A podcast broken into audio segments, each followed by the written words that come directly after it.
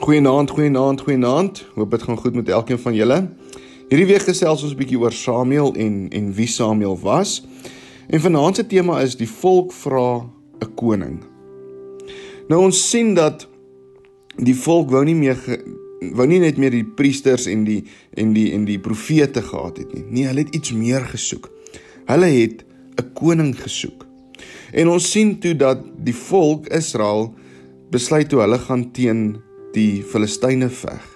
Nou die Filistyne was baie groter gewees as Israel en maar Israel het nog steeds gegaan.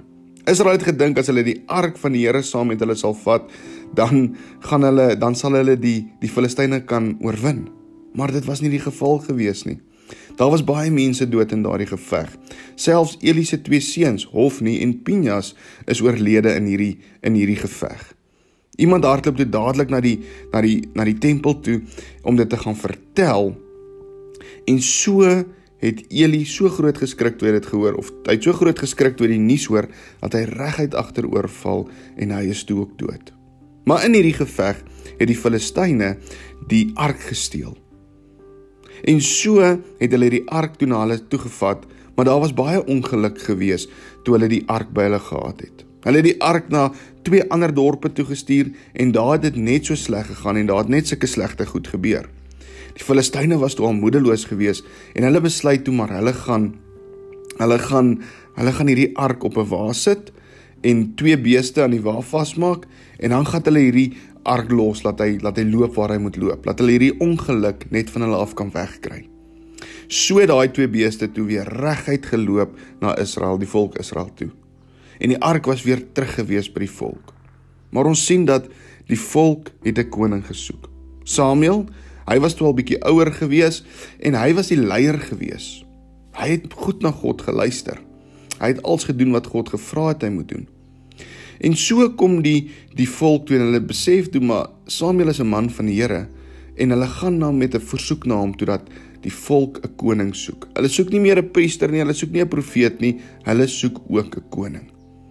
Nou Samuel het ook geweet dat die wat 'n koning gesoek het, is die mense wat nie op God vertrou het nie.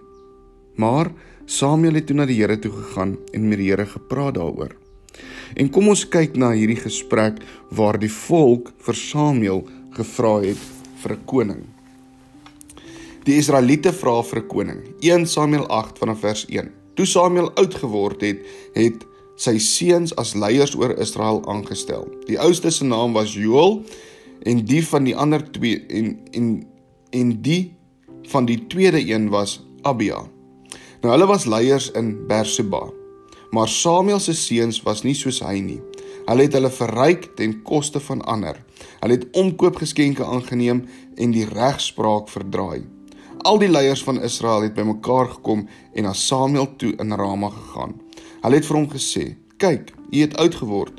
U kinders is nie soos u nie. Stel nou liewer 'n koning oor ons aan om oor ons te regeer, soos dit by al die nasies is." Maar vir Samuel was dit verkeerd dat hulle dit gesê het. "Gee ons tog 'n koning om oor ons te regeer." Samuel het tot die Here gebid en die Here het vir hom gesê: "Gee toe aan die versoek van die volk in alles wat hulle vra of in alles wat hulle van jou vra." Hulle het jou nie verwerp nie. Hulle het my verwerp as koning oor hulle.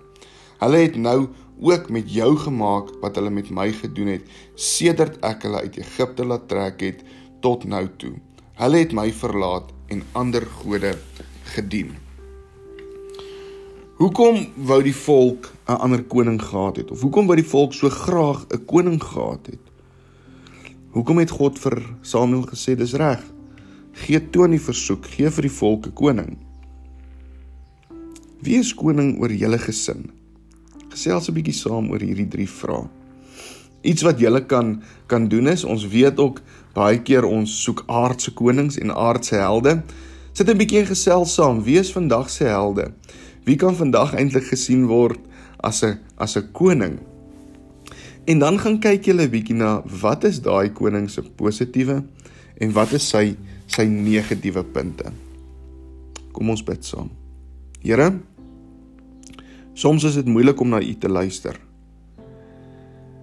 Here, soms weet ons nie wat U vir ons wil sê nie. Soms gaan soek ons 'n koning op 'n ander plek. Soms soek ons aardse konings, konings wat ons kan sien, konings wat voorvat en lei. Vader, maar dankie dat ons vandag kan weet dat U is die koning bo konings. Here, dankie dat U vir Jesus Christus gestuur het om vir ons aan 'n kruis te sterf. Here, dankie vir die Heilige Gees wat hier is om ons te beskerm. En dankie dat U die koning is. Mag ons vandag na U toe kom, Here.